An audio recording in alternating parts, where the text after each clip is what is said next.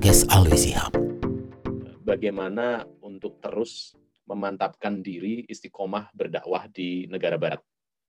Jadi mungkin barangkali juga mengelaborasi dengan pengalaman Bapak Alwi Sihab dulu waktu mungkin pada saat di di, di Amerika seperti apa eh, kira-kira bagaimana? Uh, apa yang dibutuhkan umat Islam khususnya di negeri barat ini dengan segala macam uh, keadaan yang tidak menyenangkan adanya Islamofobia, Islam sebagai agama dianggapnya sebagai agama yang keras, Islam sebagai agama yang tidak menghargai hak-hak asasi dan sebagainya. Yang sebaik-baik cara untuk berdakwah adalah keteladanan. Kita memberikan eh, contoh-contoh uh, baik bagi akhlak seorang muslim. Saya pernah hidup di Philadelphia bersama keluarga. Anak saya sekarang yang umurnya sudah 39 tahun, waktu itu masih umur beberapa ya, kurang lebih masih di SD lah. Kami bertetangga dengan seorang uh, keluarga Yahudi. Baik uh, menyapa pagi, good morning, good morning.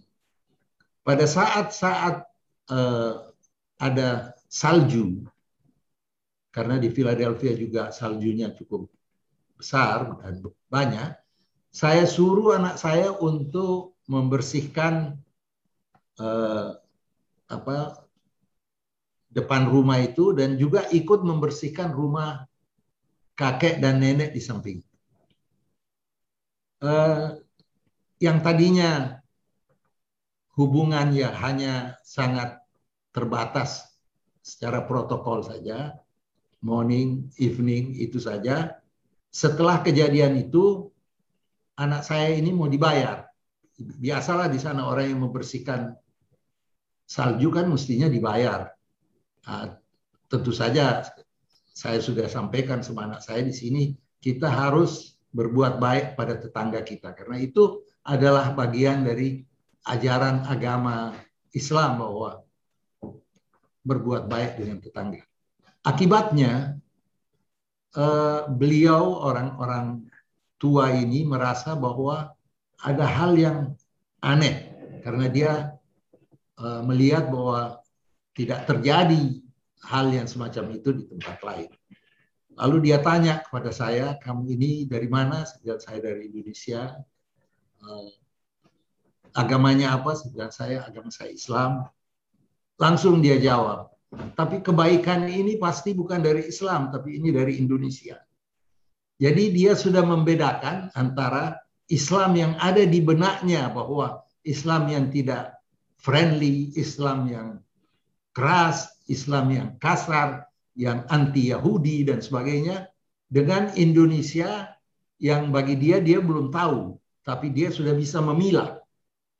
Nah, di situlah ada kesempatan kita untuk menjelaskan bahwa sebenarnya apa yang dilakukan anak ini adalah bagian dari ajaran Islam yang harus kita menghargai tetangga, membantu orang tua, dan seterusnya.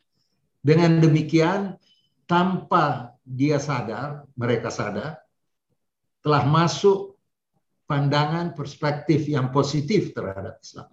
Nah, apabila kita bisa lakukan ini di skala yang lebih besar, di dalam suatu komunitas yang lebih besar, dengan menonjolkan keteladanan-keteladanan akhlak Islam, maka insya Allah mereka akan uh, berubah menjadi baik. Karena pada dasarnya di Eropa, mereka banyak dipengaruhi oleh Fox, CNN dan sebagainya yang hanya ingin menonjolkan hal-hal yang spektakuler dari apa yang terjadi di dunia Islam.